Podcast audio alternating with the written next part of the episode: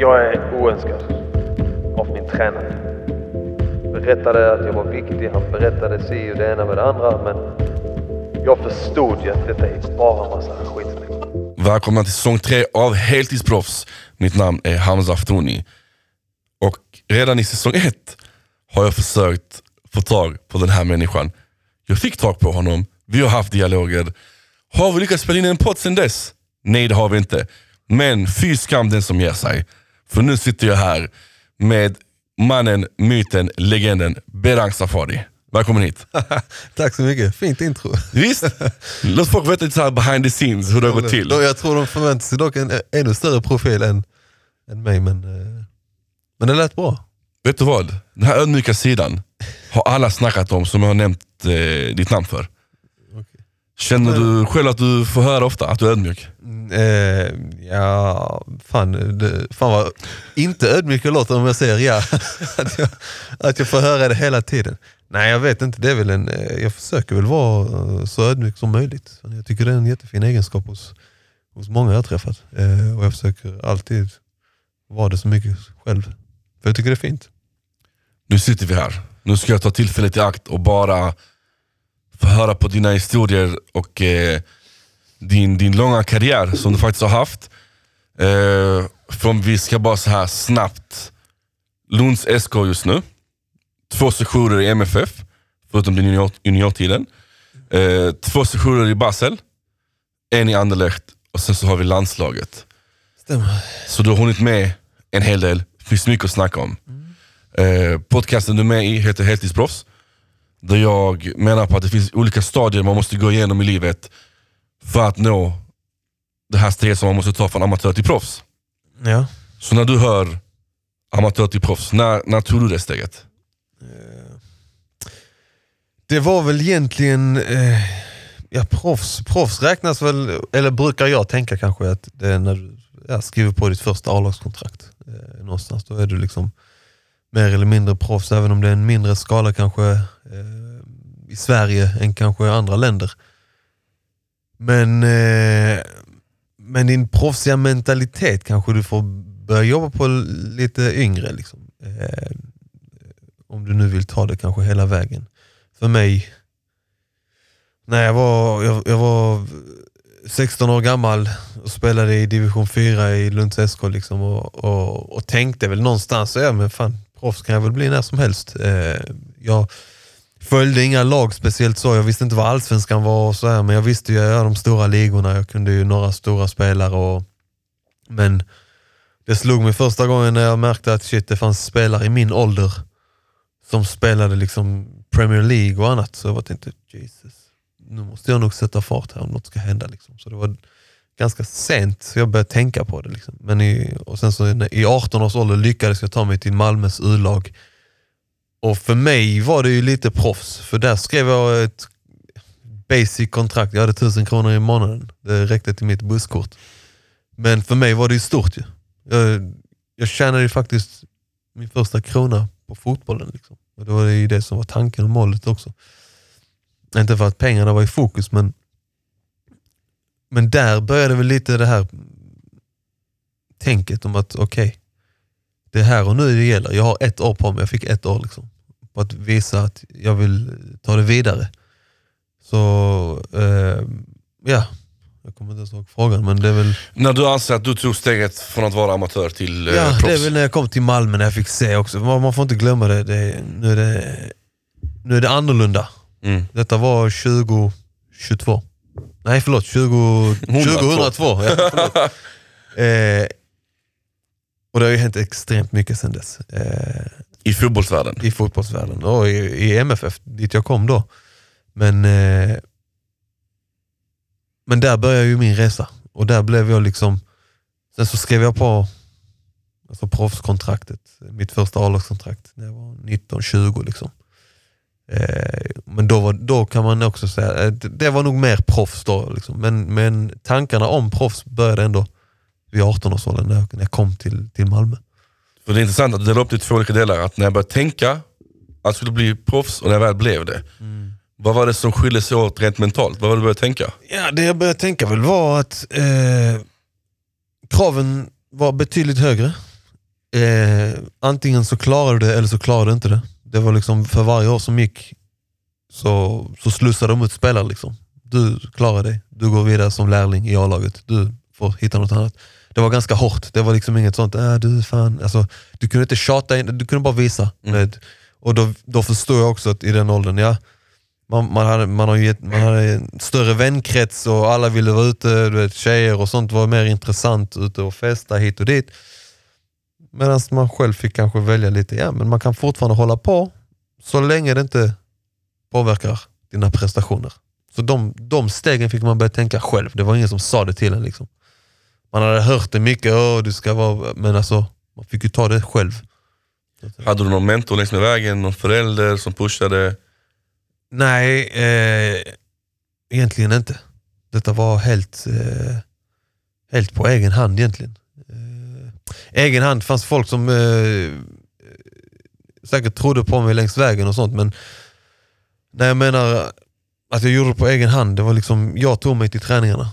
Jag fick sätta mig på bussen. Jag ville spela i Malmö FF, jag ville liksom ta mig hela vägen. Eh, det finns, man kan säga att det, man, kan ha, man har haft att göra med många, men vägen dit, du står i slutändan på egna ben.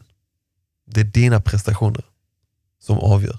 Det finns ingen som kan hjälpa dig när du väl är ute på planen. Det är ingen som kan hjälpa dig på träningarna för att göra dig till proffs. Det är du i slutändan. Många, oftast vill jättemånga ta cred av mångas karriärer. Men Det var tack vare mig. Exakt, jag sa det från början eller den hit och dit. Jag tränar honom eller si och så. Då har jag hört det, detta gäller inte mig, detta gäller typ alla. Mm. Eh, och det, vilket är kanske är fint för man känner att man är delaktig och har varit med om någonting, absolut. Men i slutändan så är det ju det är ju fotbollsspelaren. Sen så kan jag vara ärlig med att säga det finns jättemånga som har stöttat mig, som har hjälpt mig, som har säkert funnits där för mig. Eh, men liksom vägen dit, hela vägen dit eh, landar ju till slut på att man gör det själv. När insåg du att du hade en, en talang för fotboll? Och det var inte bara så någon rolig grej du gjorde på, på rasterna? Jag vet inte, fotboll föll mig alltid naturligt. Eh, jag kan inte förklara det på något sätt, men det var det jag drogs till alltid. Eh, jag hade alltid en boll med mig. Liksom. Det är den klassiska som man hör. Eh, sov med bollen under kudden, eller fan. en boll under armen. Men så var det, det var, det var ganska naturligt. Man, man ville ha den här bollen med sig. Liksom. Och jag, men, men som sagt, jag, jag tänkte aldrig på att jag var bättre än alla andra eller så här och att jag hade en talang eller sånt. Det fanns inte i mitt huvud. Utan jag, jag spelade för att det var kul och det var, det var just den här glädjen till fotbollen som, som tog ut mig, som utvecklade mig framförallt. Sekunden, alltså jag höll på med andra sporter, spela basket och testa på massa grejer men, men det var, jag slutade i allt och hoppade på massa grejer men fotbollen var det som jag fortsatte med alltid. För att det var så naturligt. Men, när jag, men jag märkte också när jag, ju bättre jag blev, ju större och krav började jag ställa på mina spelare, alltså lagkamrater i ung ålder. Det fanns många inomhusturneringar och sånt där jag vann skytte. Det låter sjukt, jag, gör- jag har inte gjort mål i karriären alls nästan, men som ung gjorde jag en hel del mål liksom, och vann skytteligan. Jag ville vinna eh, liksom, många, många sådana här inomhuskupper och utomhuskupper. Jag tyckte det var skitcoolt. Liksom, och, och det triggade ju mig. Och, det, och samma sak där, var fick jag den mentaliteten från? Jag vet inte. Den, den, den bara kom till mig. Liksom. Eh, men där vi... Det blev mer kniven mot strupen som fick mig att sätta fart, att någonting måste hända mer än att jag tänkte ja, men jag har talang för detta, jag ska testa. Utan det var mer att jag kände shit, jag kan inte ta detta vidare i Lunds SK.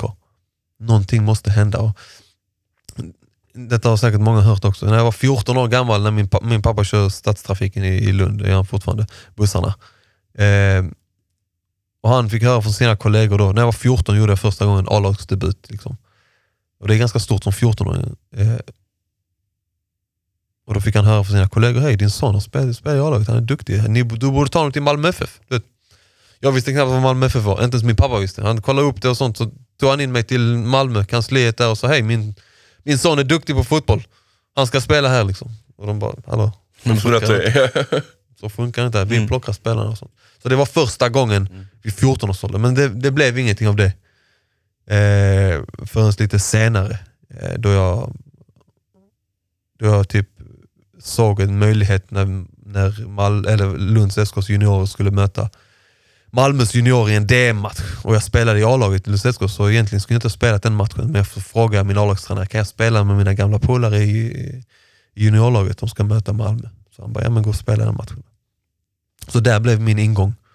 Och där tänkte jag så härifrån kan jag nog, är jag tillräckligt bra så, kan jag, så kanske de får upp ett öga för mig. Och det, och det gjorde de.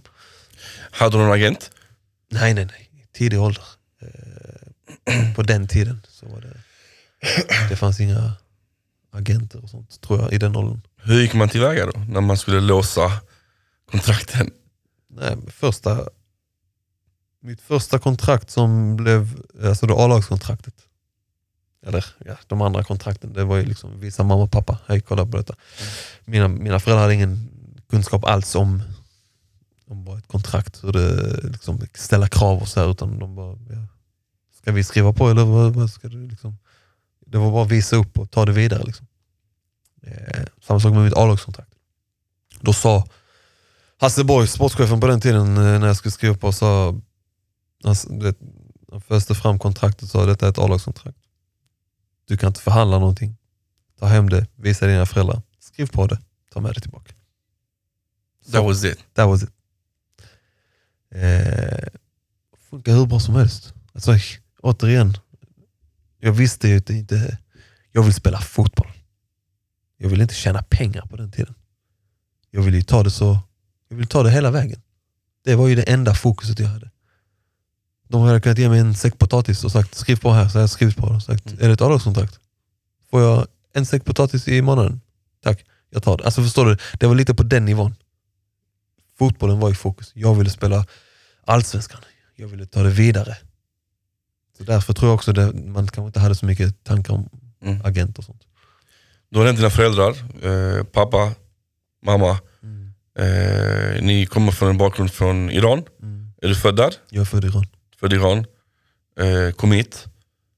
Du nämnde kunskapen fanns inte med papper eller kontrakt och sånt. Hur minns du din barndom?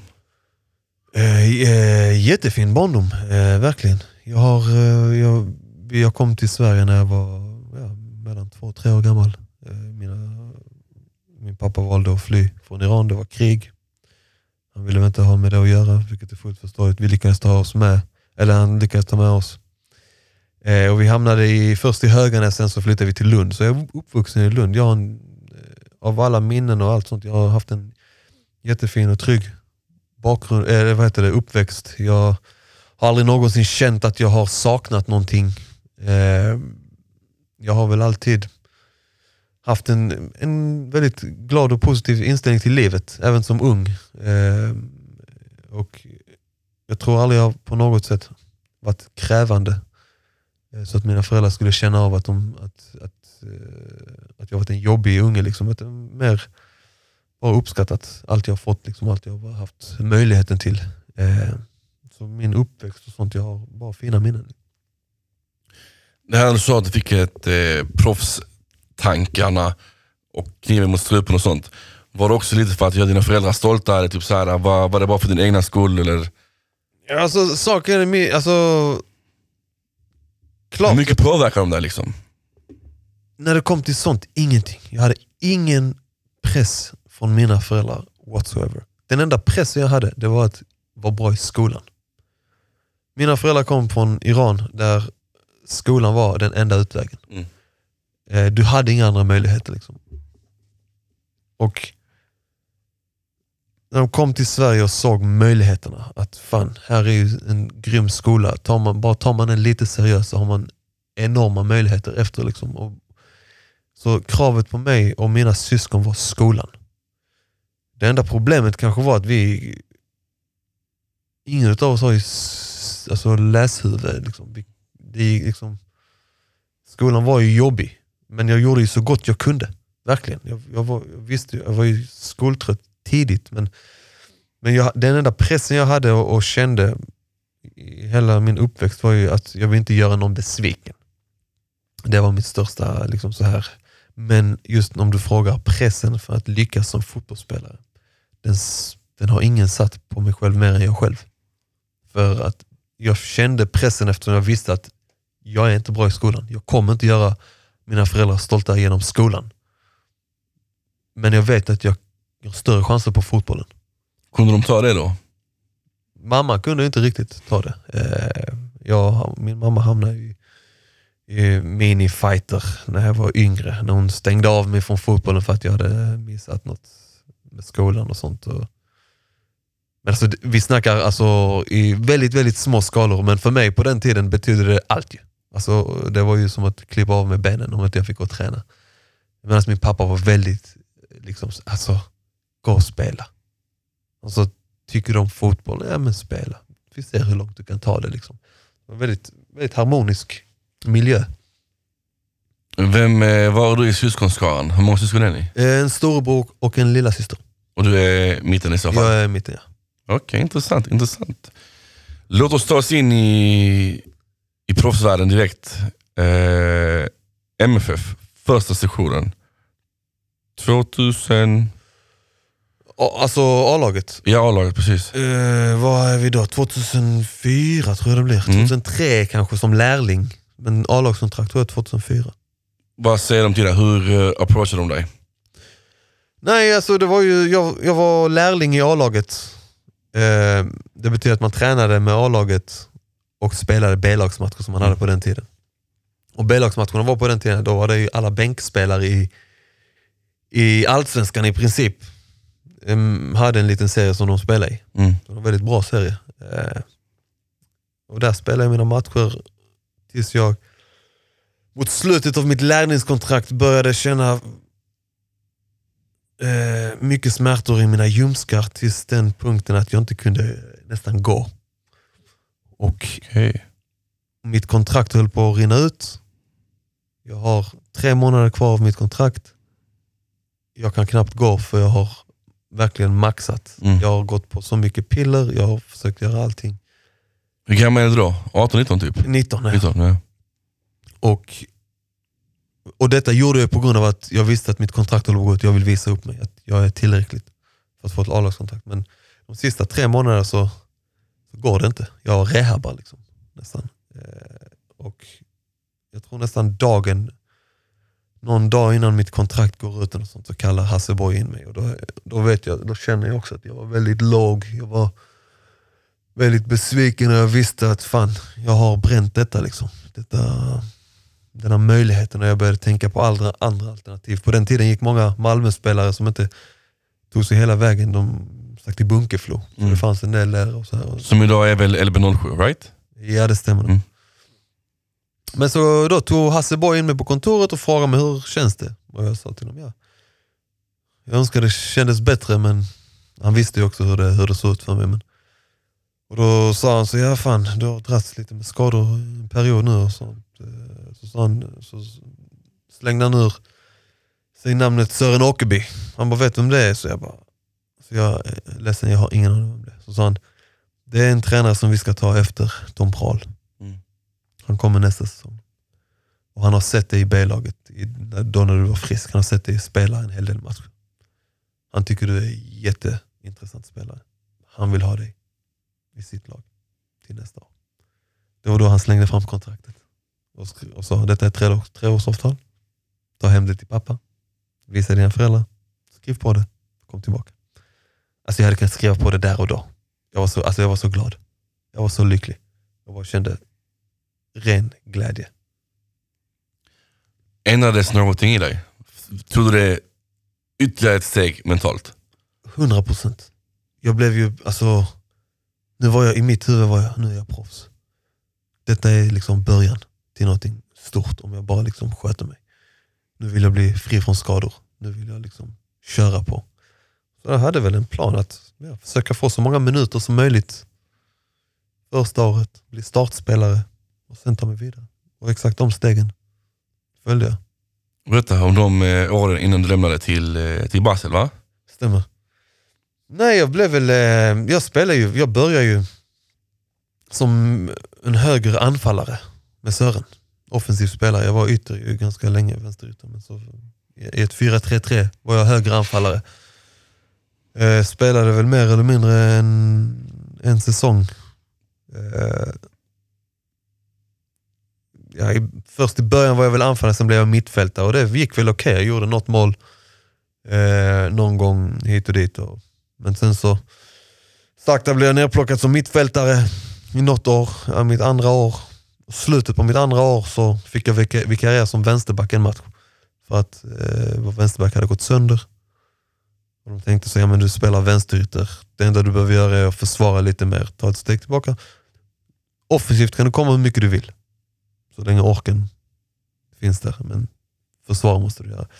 Med speed i benen så kunde jag egentligen försvara vem som helst. Jag kom ikapp, jag kunde störa, jag kunde hålla på. Gjorde en jättefin match. Kalmar hemma, assist. Eh, vi vinner den matchen och jag spelar en jättefin match som vänsterback. Och då, då börjar tankarna hos Sören och tränarstaben att liksom bli, oh, kan vi göra någonting här?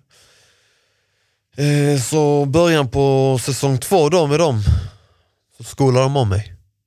Då säger jag, du ska börja som vänsterback och jag bara tänkte skit, det här vill inte jag göra, jag vill vara offensiv.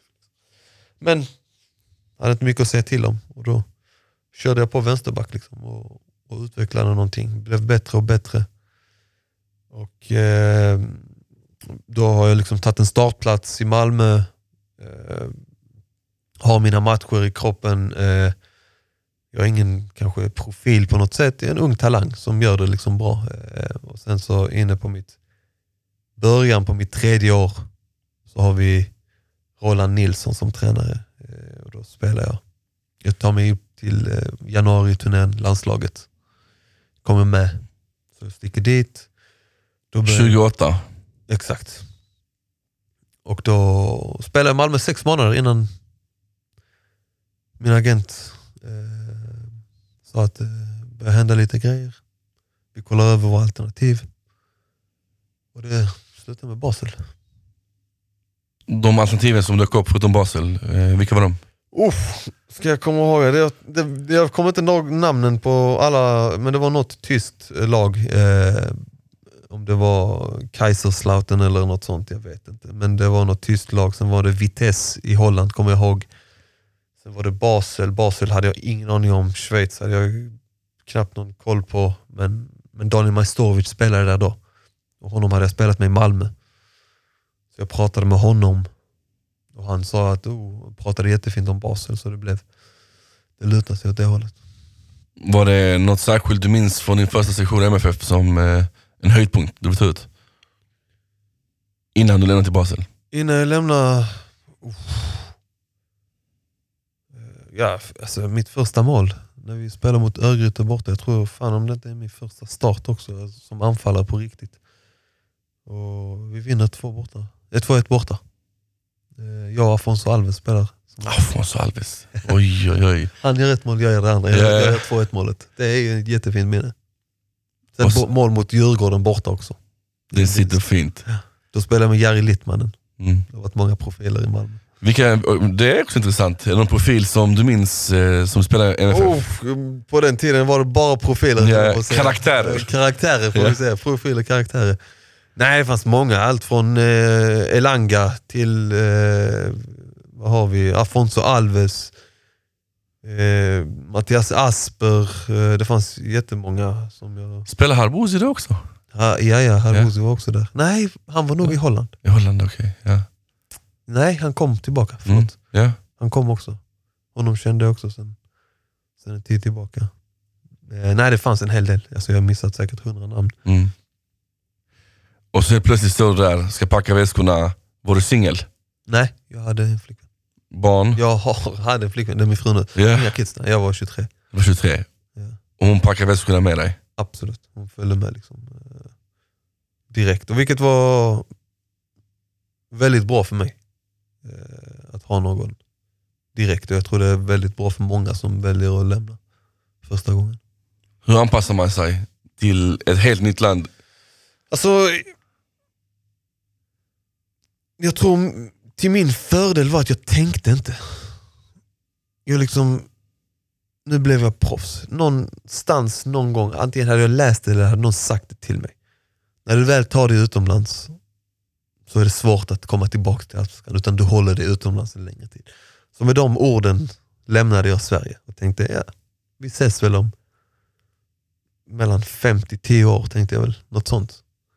Eh, och så tänkte jag inte mer på det. Nu tänkte jag, nu är jag proffs utomlands och nu ska jag se vart detta tar mig. Jag tänkte inte, jag tog liksom en säsong i taget, en dag i taget verkligen. Eh, klart en omställning.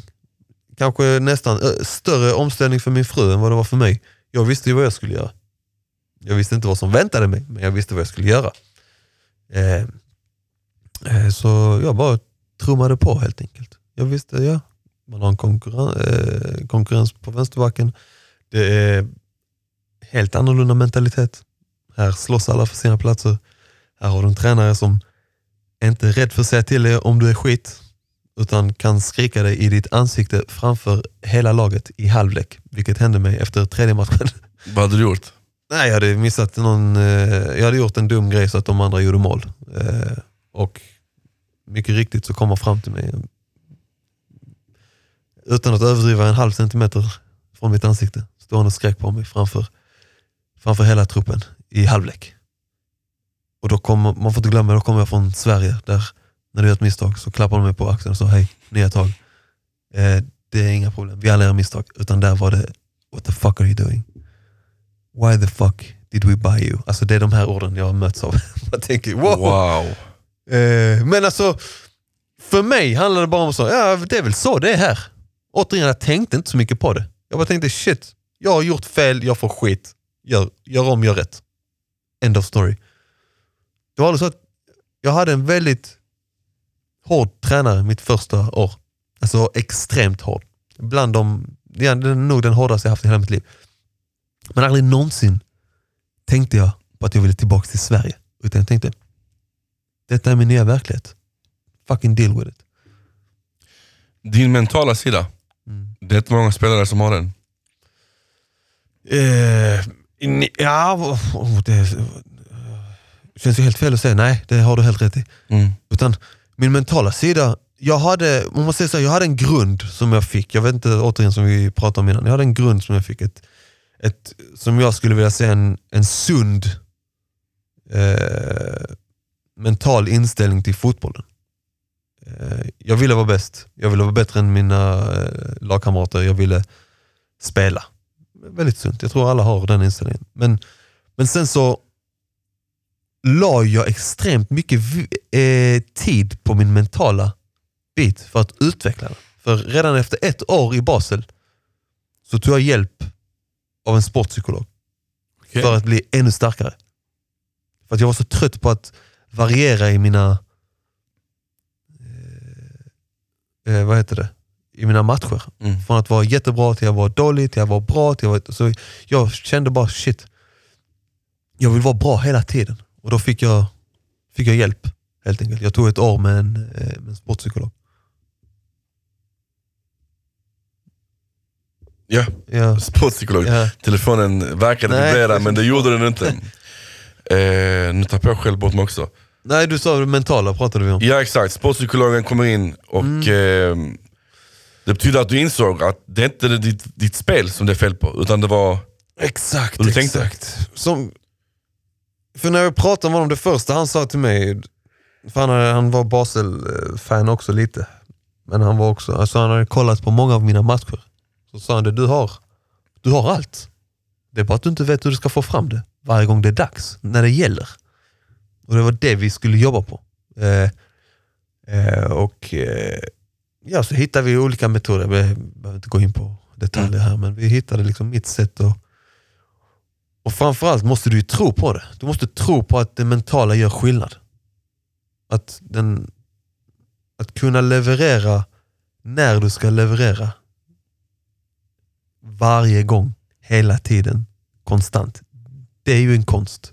Absolut. Istället för att, bara för att göra det så att alla förstår och hänger med. Av tio matcher, istället för att vara bra i tre, okej i tre och skit i fyra kanske, eller dålig i fyra, så ska du vara bra i åtta och okej i två. Den nivån ska du träffa. Och det var det jag började, eh, alltså det var målet liksom. Så, så även, jag brukar säga det så här, även när jag gick från planen ibland och kände helvete Berang, idag var du inte bra.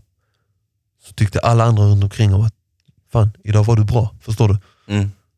Så kraven på mig, själv blev ju högre, men, men det var ändå skönt att höra att andra tyckte jag var bra fast jag själv tyckte jag var skit. För då visste jag att okej, då har jag ändå gjort en okej insats.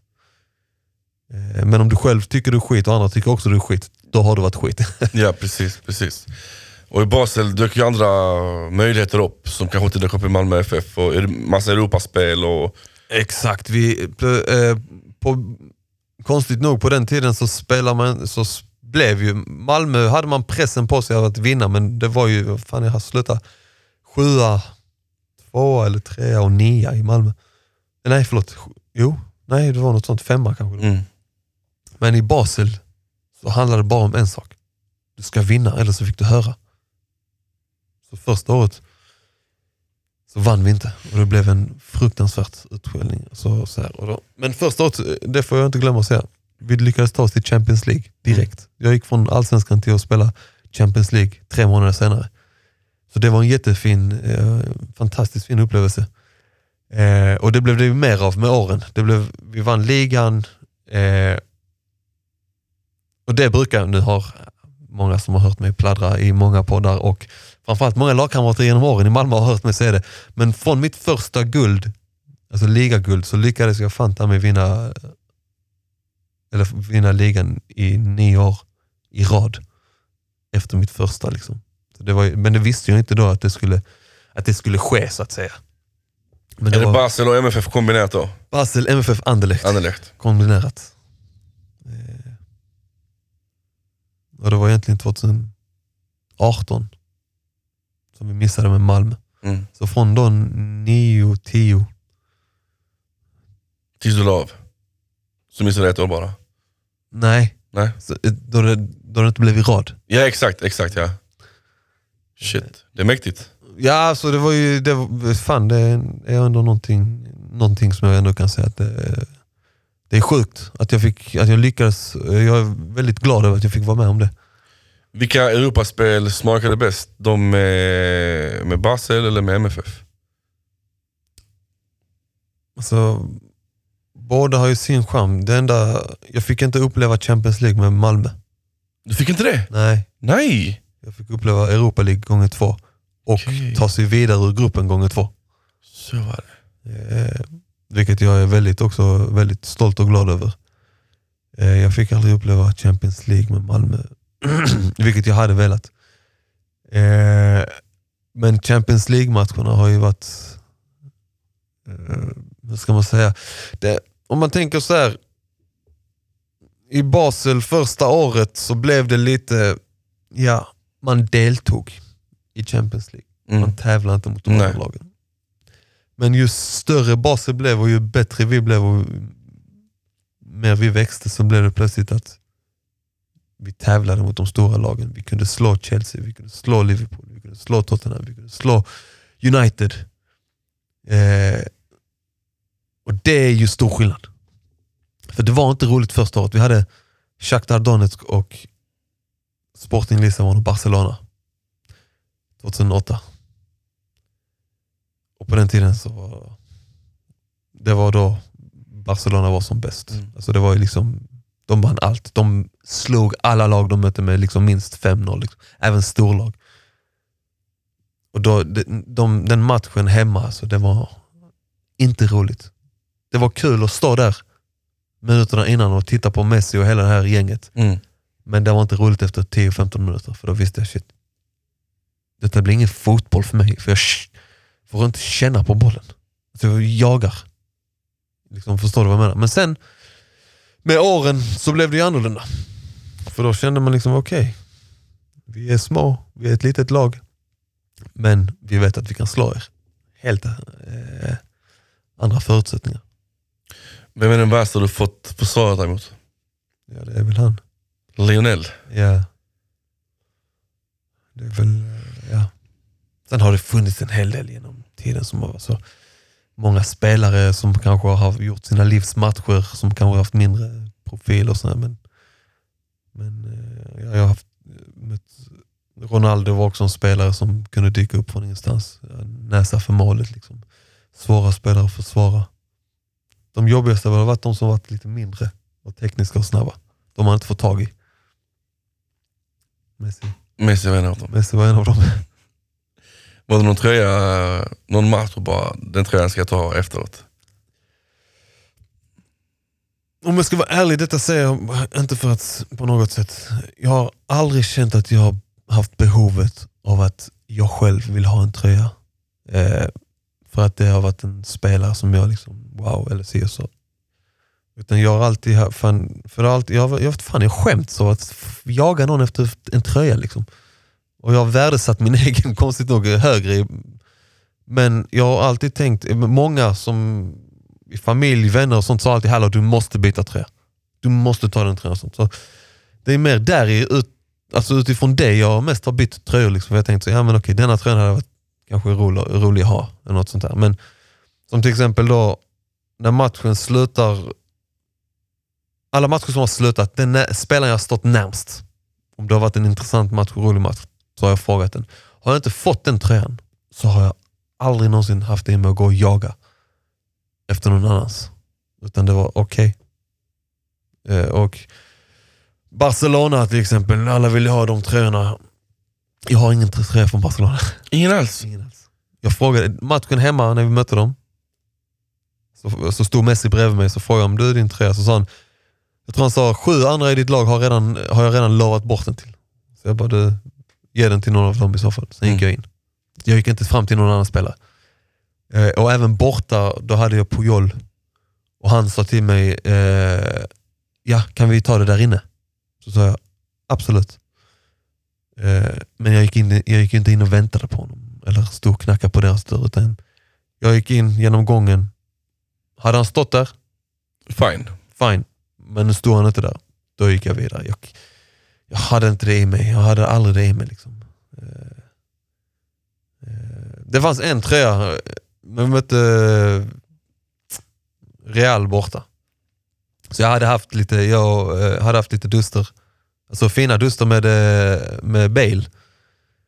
Ja, väldigt trevlig, vi stod och snackade vid många tillfällen under matchen och så här, liksom.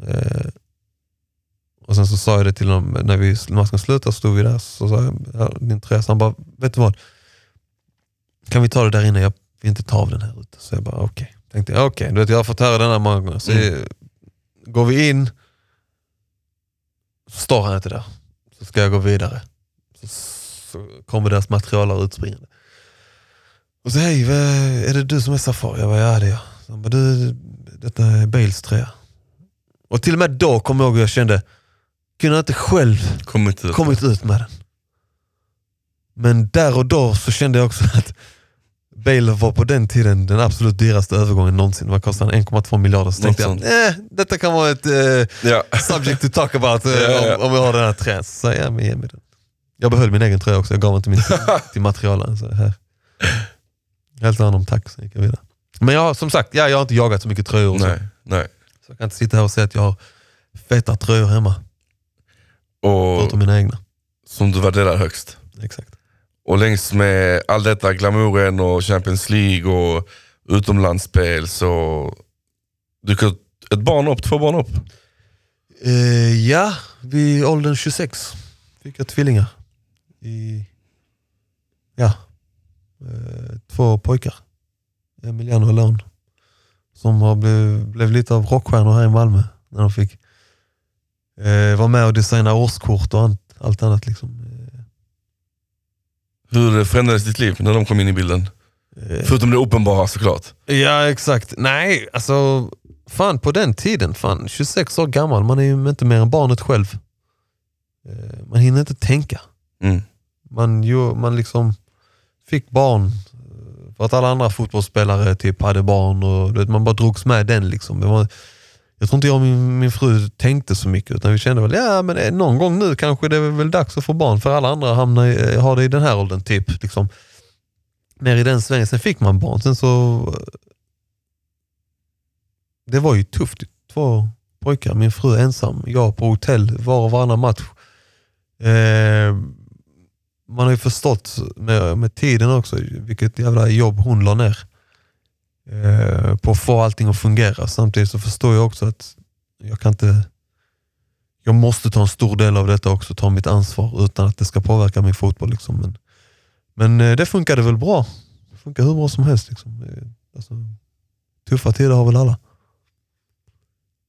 Varför fick eh, dina kids vara med och designa årskortet? Eh, mina, eh, så här är det, alltså, vid det här laget vi vet väl de flesta om att mina pojkar har autism.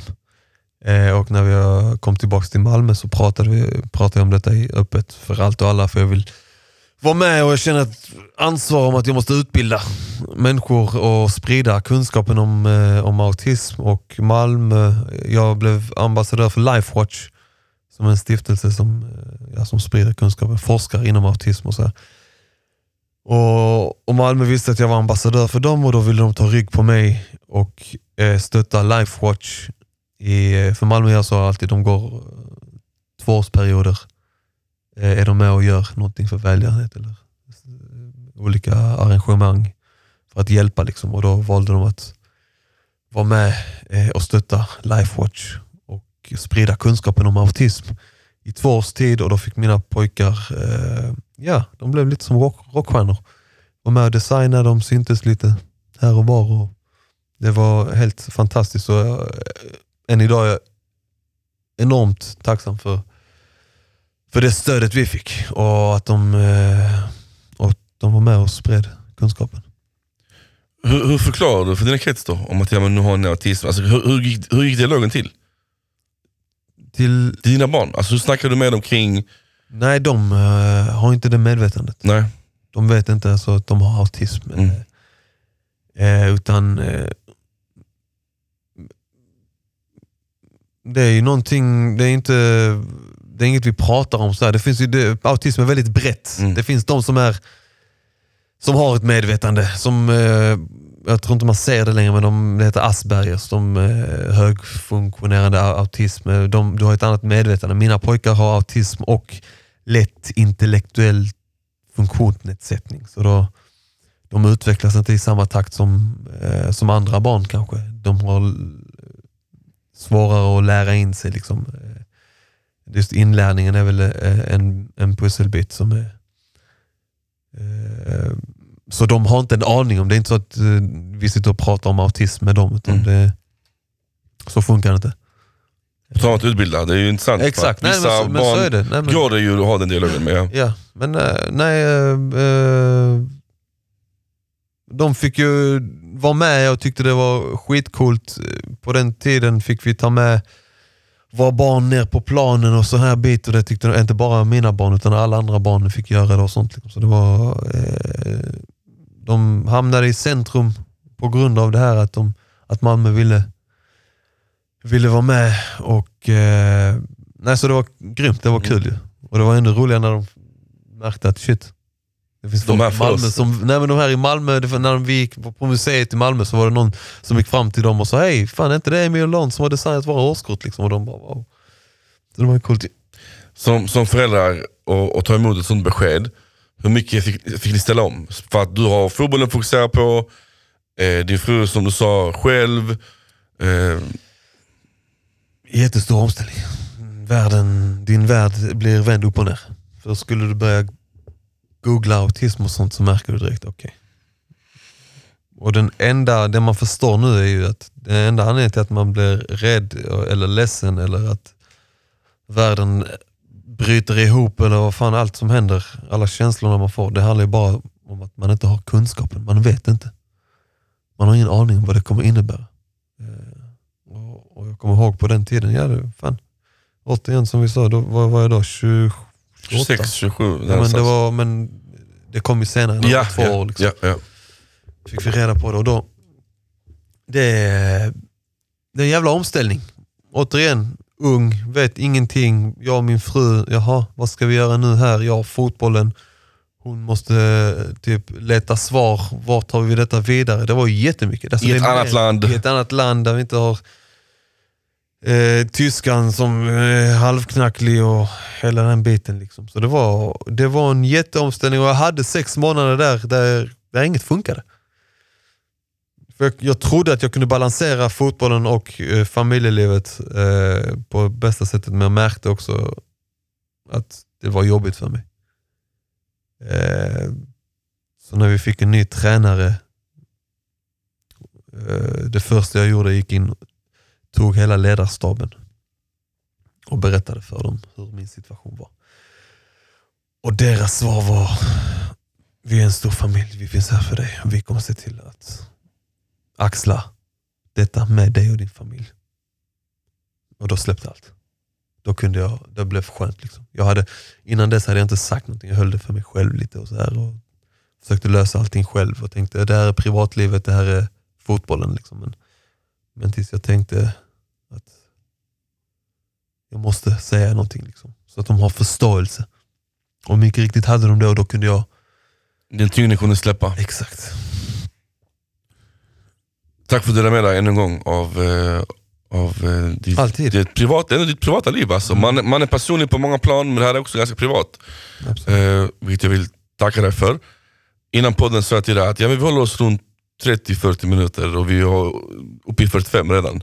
Skämtar du? Nej, och eh, inte för att stressa på något sätt, men när jag researchar om de jag ska intervjua så ställer jag frågan till eh, folk runt omkring mig som jag vet är intresserade av spelaren. Ja, vad är det du hade velat veta? Vad är det jag, jag borde ta upp som, eh, ja, som du vill lyssna på helt enkelt?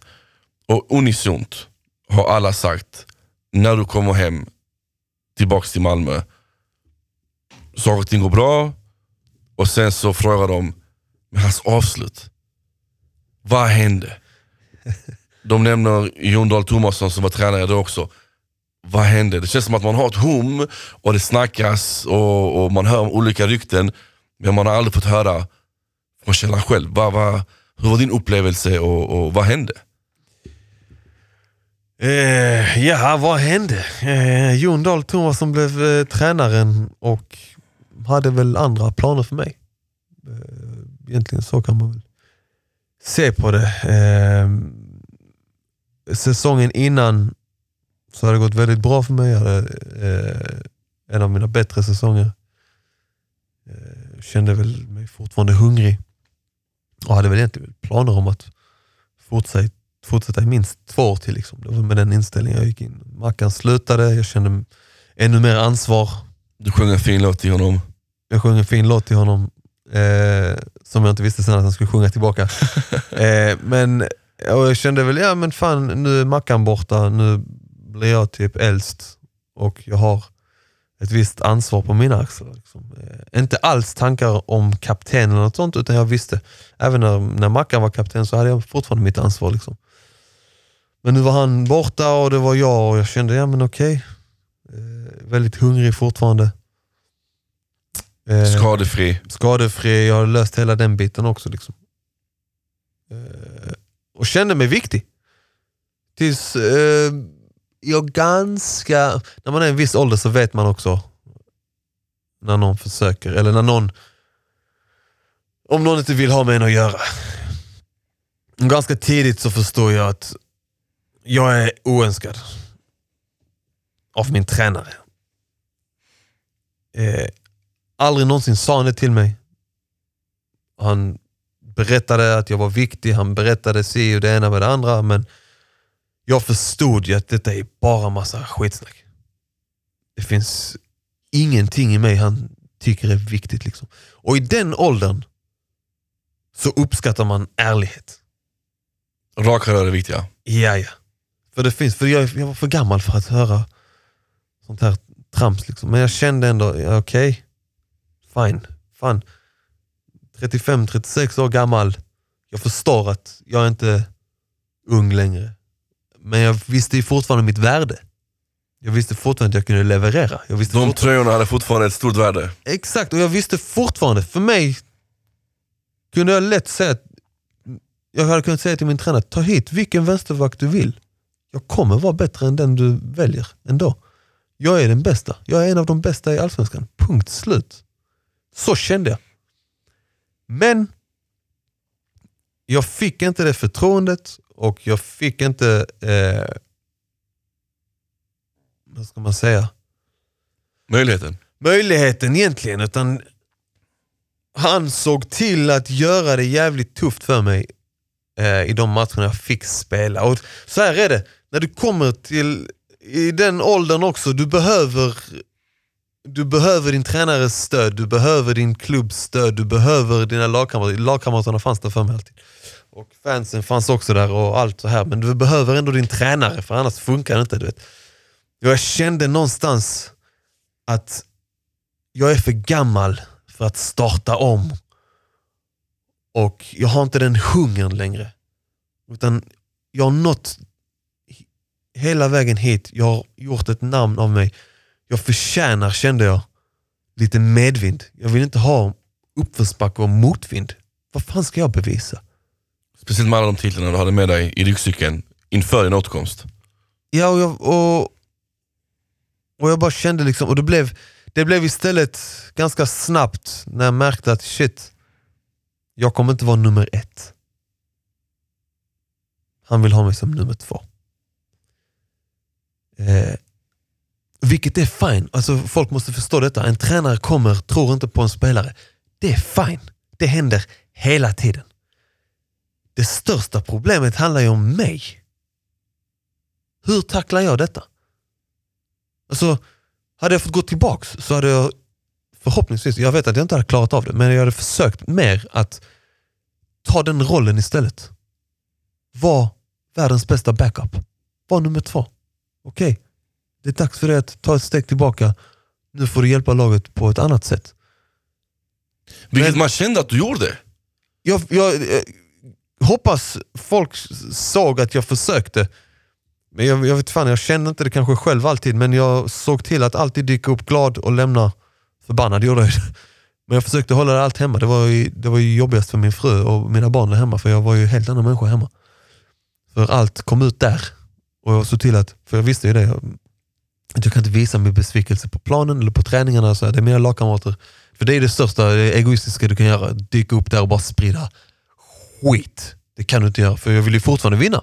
Såklart. Jag ville, I mitt huvud hade, hade jag ju fortfarande möjlighet till att ta platsen igen, men, det, men fast jag visste att jag inte kunde. Det, fanns, det spelade ingen roll hur, hur bra jag var, jag hade aldrig fått spela ändå. Men då är problemet, hur kan då en spelare som alltid varit nummer ett plötsligt acceptera att vara nummer två? Det var det som var mitt största problem. Och när jag insåg det halvvägs in i säsongen, att jag har ingen som helst förmåga till att ta ett steg tillbaka och vara glad med det. Det var också då jag insåg att min tid som fotbollsspelare börjar komma till ett slut. Och det var även då jag typ beslöt att fan. Jag gick ut och sa till klubben, jag är ledsen men har jag inte i mig. Jag tackar för mig. Var det ingen som ifrågasatte ditt beslut? För du sa att han visade inte att han la dig i så kallad frysboxen. Nej, men jag tror att, jag tror att eh, jag tror någonstans att eh, klubben visste väl också väl att Hans agenda? Hans, hans tankar lite och så här. Återigen, det som var problemet för mig var ju att det, det var aldrig sades till mig till mitt ansikte. Det hade jag uppskattat lite. Eh, det, var det, det var egentligen det jobbigaste. Liksom, och sånt. Men vad fan, klubben hade ju sina grejer. Alltså, jag, kan inte, jag kan inte hålla någon ansvarig för något. Egentligen. Eh, Sådana här grejer händer hela tiden. Eh, var det en katastrof? När man tänker efter, nej, fan. Samma sak där. Folk sa till mig, snälla du kan inte sluta mitt under pandemin. Det finns ingen på läktaren. Och det slog mig också, det blev också en sån jobbig grej. Jag var shit, jag kommer att sluta utan någon på läktaren. Liksom. Eh, tills tills, alltså det, det varade kanske en vecka tills jag insåg att vänta lite här, Berang Safari. Du har fått uppleva allt inom fotbollen. Eller det mesta i alla fall. Sluta vara så jävla hagalen, att du vill ha mer eller att det ska vara det perfekta avslutet. Ingenting kan bli bättre än Mackans avslut ändå. Nej, skämt åsido. Men jag visste, alltså fan, var glad att, du, att du ens får ett avslut. Liksom. Alltså jag, jag bara liksom, okej. Okay. Jag var glad för det jag fick. Liksom. Jag fick ha de närmsta jag hade. Hade jag velat ha det fullsatt på läktarna? Absolut. Det hade varit en helt fantastisk dröm. Men jag var minst lika glad för det andra avslutet jag fick. Eh.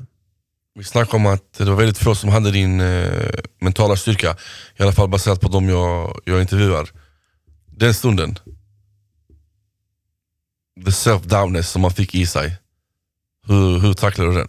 För du måste ha fått den. Du måste ha När, gått in i- när menar du? Ja men inför ditt avslut och du får inte spela längre. Eh, Och du sa att det påverkade mycket din familj liksom så. Nej, den, den som fick se allt detta var egentligen min fru. Ja. Och mina barn, eh, de, gick, de var inte hem att jag, det var inte så att jag gick hem och började svinga. Mm. Eh, men jag var ju en annan människa. Jag var inte... Jag, I mitt huvud vill jag tro att jag fortfarande dök upp på träningarna och spred glädje och som den eh, bärare som de kommer ihåg. Liksom. Men, de, men jag tror de närmsta kunde ändå se i mig att, att, det, att det tog hårt på mig. Klart det, klart det gör det. Fan. Hur hade det varit om det, om det inte var så? Eh, klart det var jobbigt. Sjuka är att på mina 17-18 år eller vad det blev. Sista året var det jobbigaste. Mm.